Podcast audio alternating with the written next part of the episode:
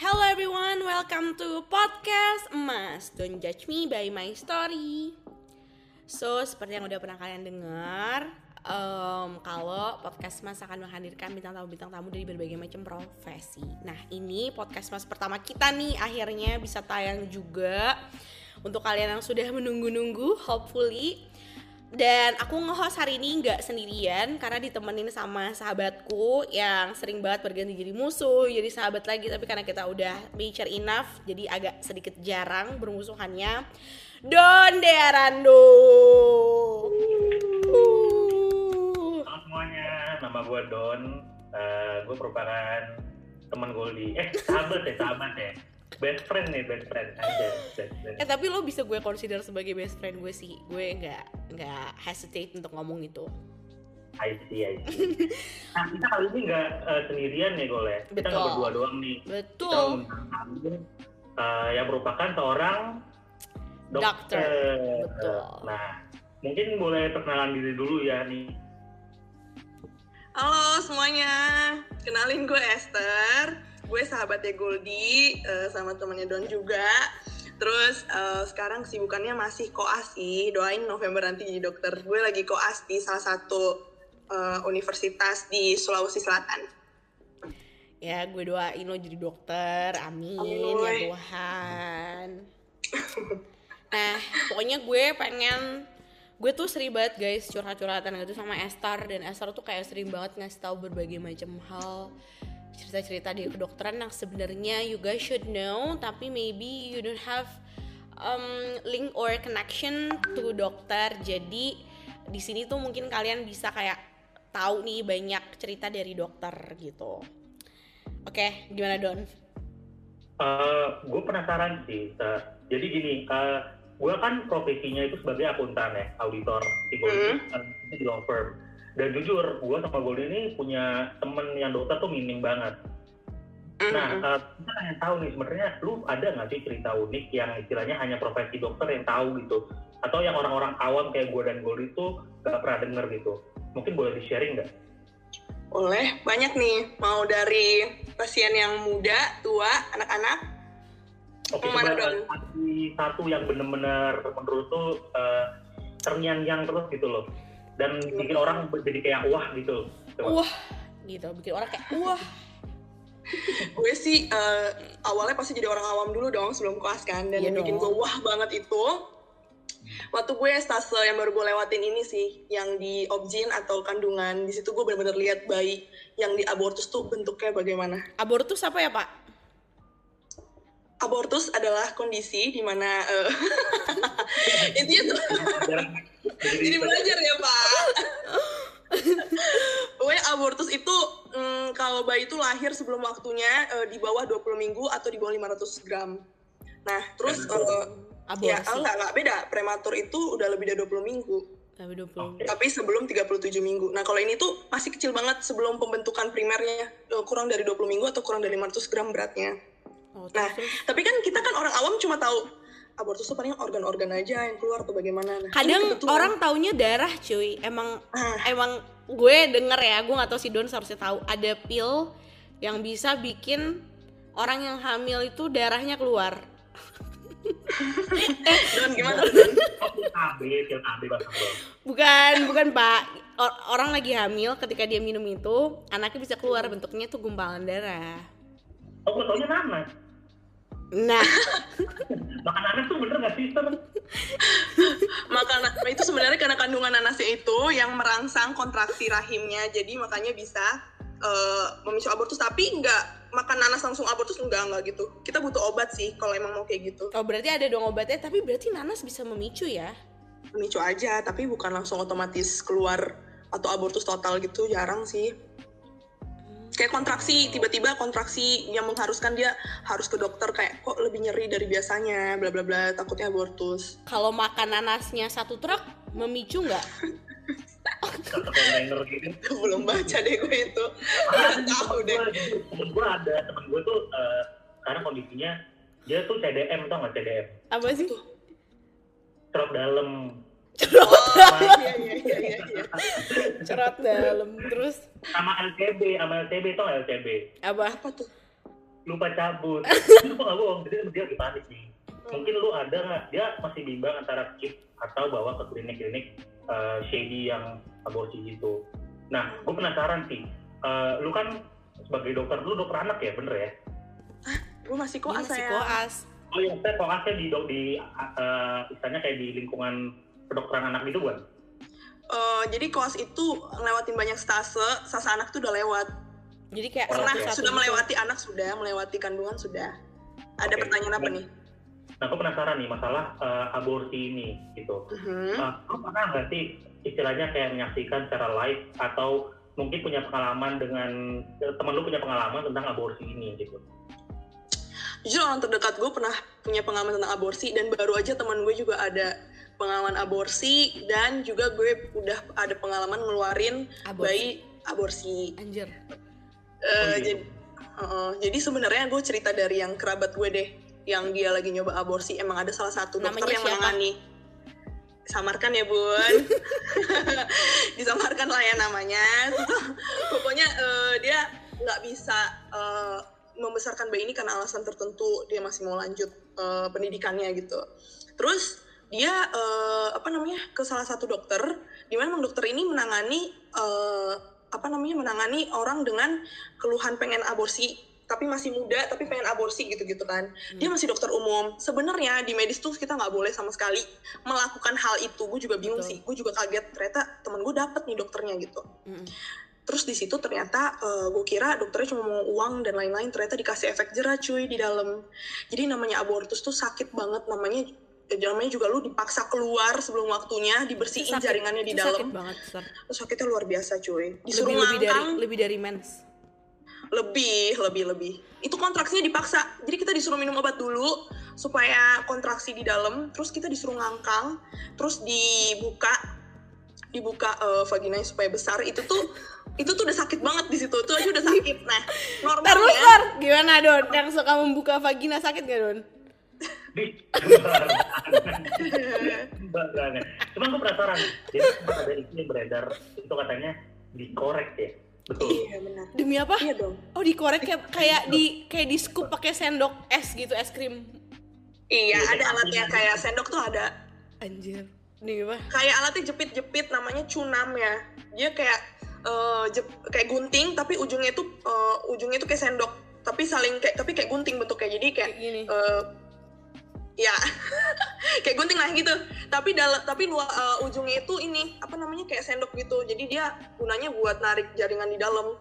Jadi terus terus eh, ter terus ter. Mm, kita keluar keluarin habis itu kita pastiin bersih di dalam kita korek. Nah tapi dokter cuma boleh melakukan itu kalau misalnya eh, ada indikasi atau enggak memang sudah eh, tipe abortus tuh banyak ya ada komplit incomplete. Nah kita tuh bisa melakukan itu kalau misalnya eh, abortus incomplete imminence atau incipience gitu loh yang udah nggak bisa dipertahankan lagi kandungannya jadi kita abortus secara medis. Nah gue lanjut ke teman gue yang kerabat gue ini ya. Boleh terus ternyata dia cerita ke gue kalau misalnya sakitnya itu luar biasa karena uh, pada dasarnya harusnya itu pasiennya dibius cuy. Maksudnya kita kasih analgesik wah. Tapi di sana dia nggak kasih. Dia cuma kasih analgesik sakit minim banget cuy. Heeh. sakit banget sakit banget. Gue ngebayangin lagi itu terus. sakit banget. Dia sampai disuruh gigit kain gitu supaya apa namanya nggak teriak bisa nahan sakitnya terus uh, dokternya tuh diem tapi perawat itu yang kayak makanya kalau berani berbuat berani tanggung jawab anjir nyebelin banget. Perawatnya nyebelin. Sorry gue nih, jujur. apa dokternya baik atau atau enggak sih? Kok dia kayak mau bingung. ngasih tapi ngasih nasihat juga gitu. Itu kayak malaikat artis tokis, baru nyatet sih lu? gue bingung sih pribadi kalau dilihat dari segi mana pun tuh salah cuma coba lu di posisi orang-orang yang lagi em- emang mau Eh, kayaknya si Esther nih eh, jaringannya lagi jelek. namanya mau abortus dan pengen sehat gitu Oke. kita kalau pakai lanjut eh, star gimana gimana sekarang lanjut star bisa Ya, star. Lanjut, lanjut. Terus eh, gimana kalau kita ada di posisi mereka yang mau lanjut mau lanjut me- apa namanya mau lanjut pendidikan atau ada ketakutan dan lain-lain terus kita nggak punya nggak punya solusi buat keluarin ini secara aman gimana kalau bukan ada dokter kayak gitu gitu Ya nggak usah Iya. melakukan hubungan seksual nggak sih? Kan since the cuman- first place. Iya, loh. Maksudnya lu mau ngomong itu juga yang kurang di Indonesia kan edukasi.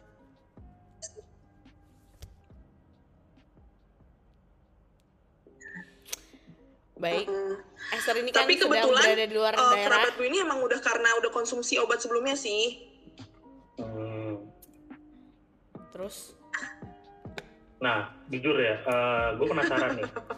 Eh, lu, lu, lu tuh pernah ini Aduh, udah bagus belum jaringannya? udah udah oke. Sorry, sorry, sorry. Udah oke oke. Lanjut Jadi kemarin eh, tadi tadi lu sempat mention juga kan katanya lu pernah menyaksikan secara live langsung tentang eh, dokter yang lakukan aborsi. Itu lu benar-benar ngeliat secara langsung. Lu bisa ceritain gak gitu kayak gimana sih prosesnya?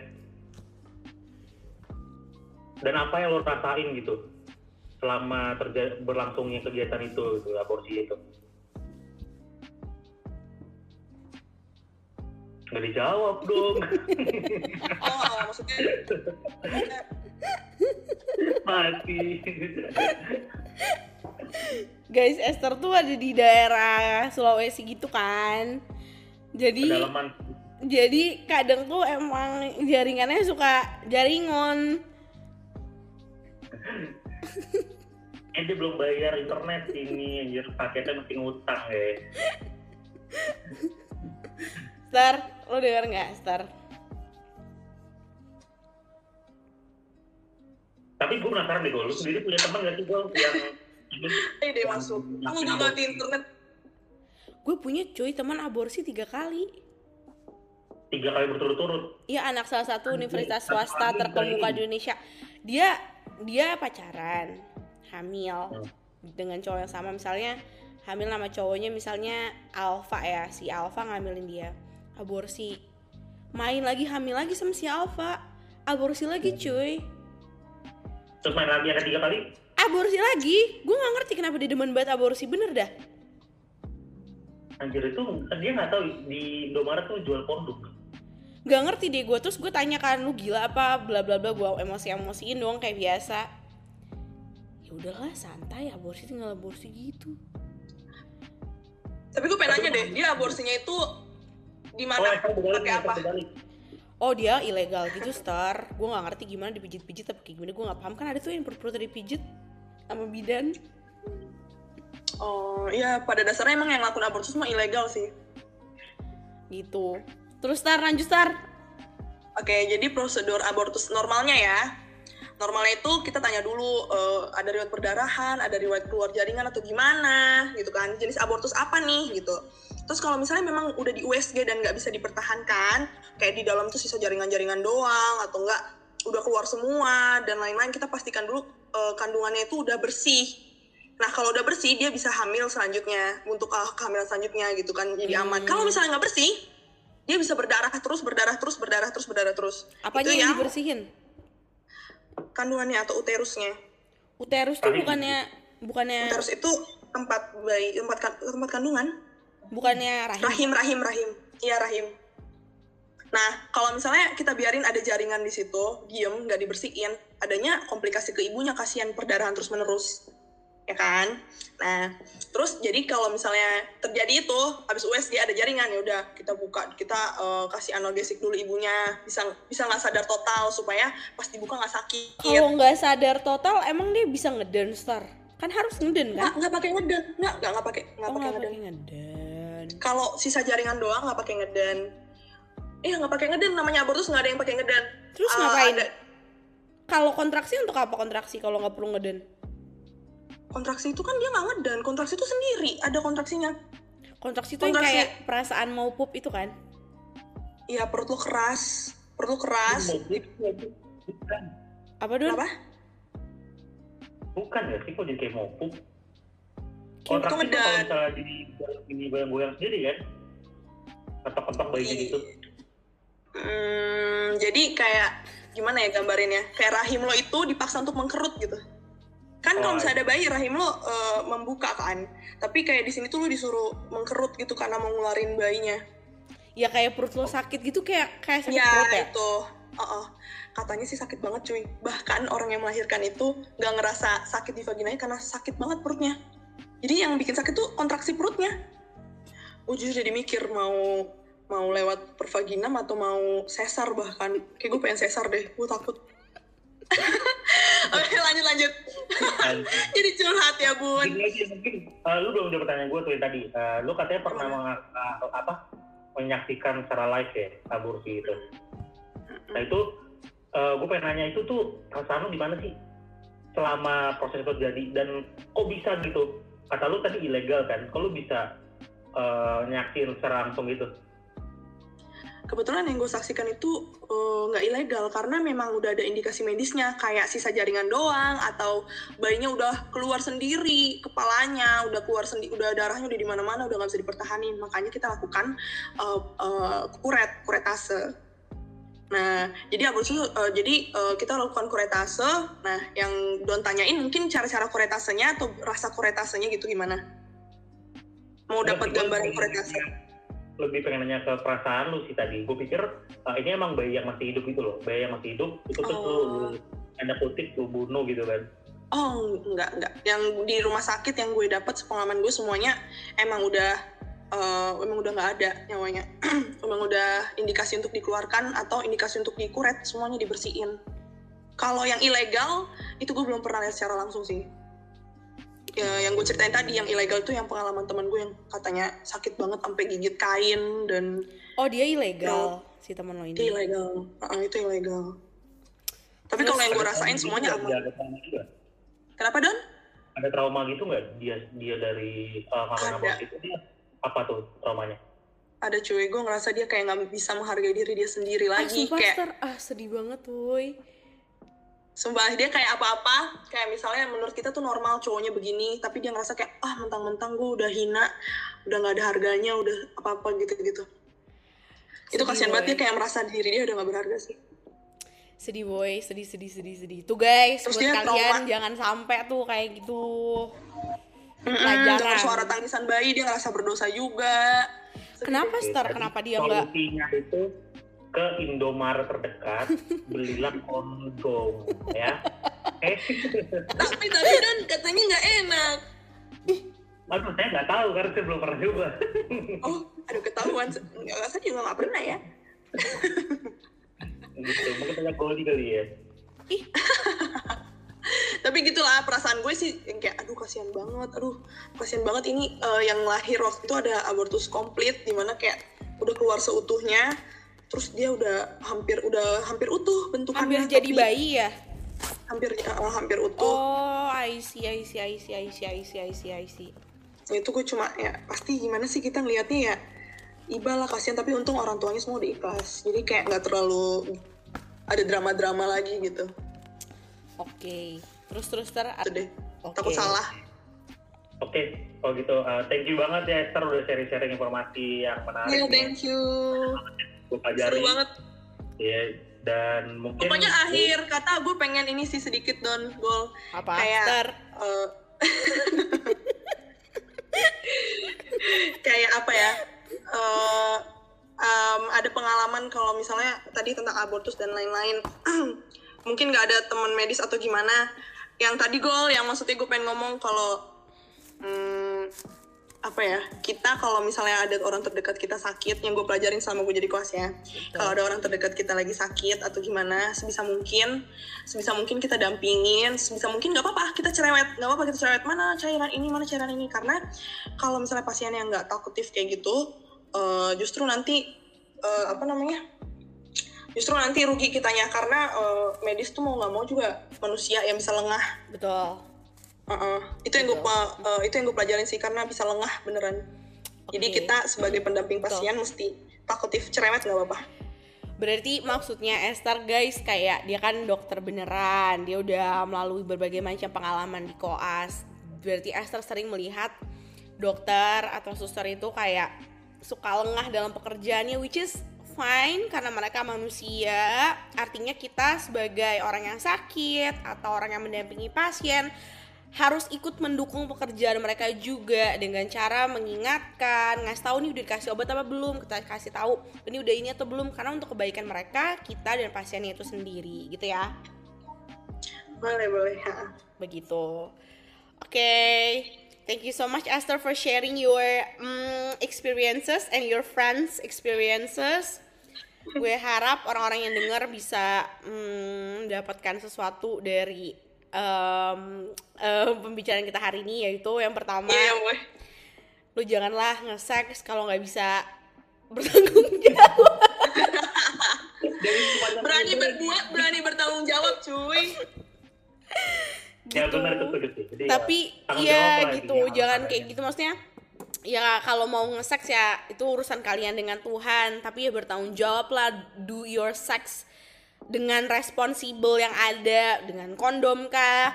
Atau kalau emang udah jadi ya harus siap menikah kah? Do it with love lah atau kayak gimana gitu. Jangan jangan jadi terus aborsi. Nah udah. Nah udah. Gimana itu ada kehidupan gitu. Ya kan Don. guys pokoknya semoga kalian bisa mendapatkan suatu gue minta maaf kalau banyak kurang dan salahnya this is our first podcast tapi kita akan terus memberikan kesuara lagi ke kalian. Jadi stay tune don't judge me by my story. Bye bye Bye.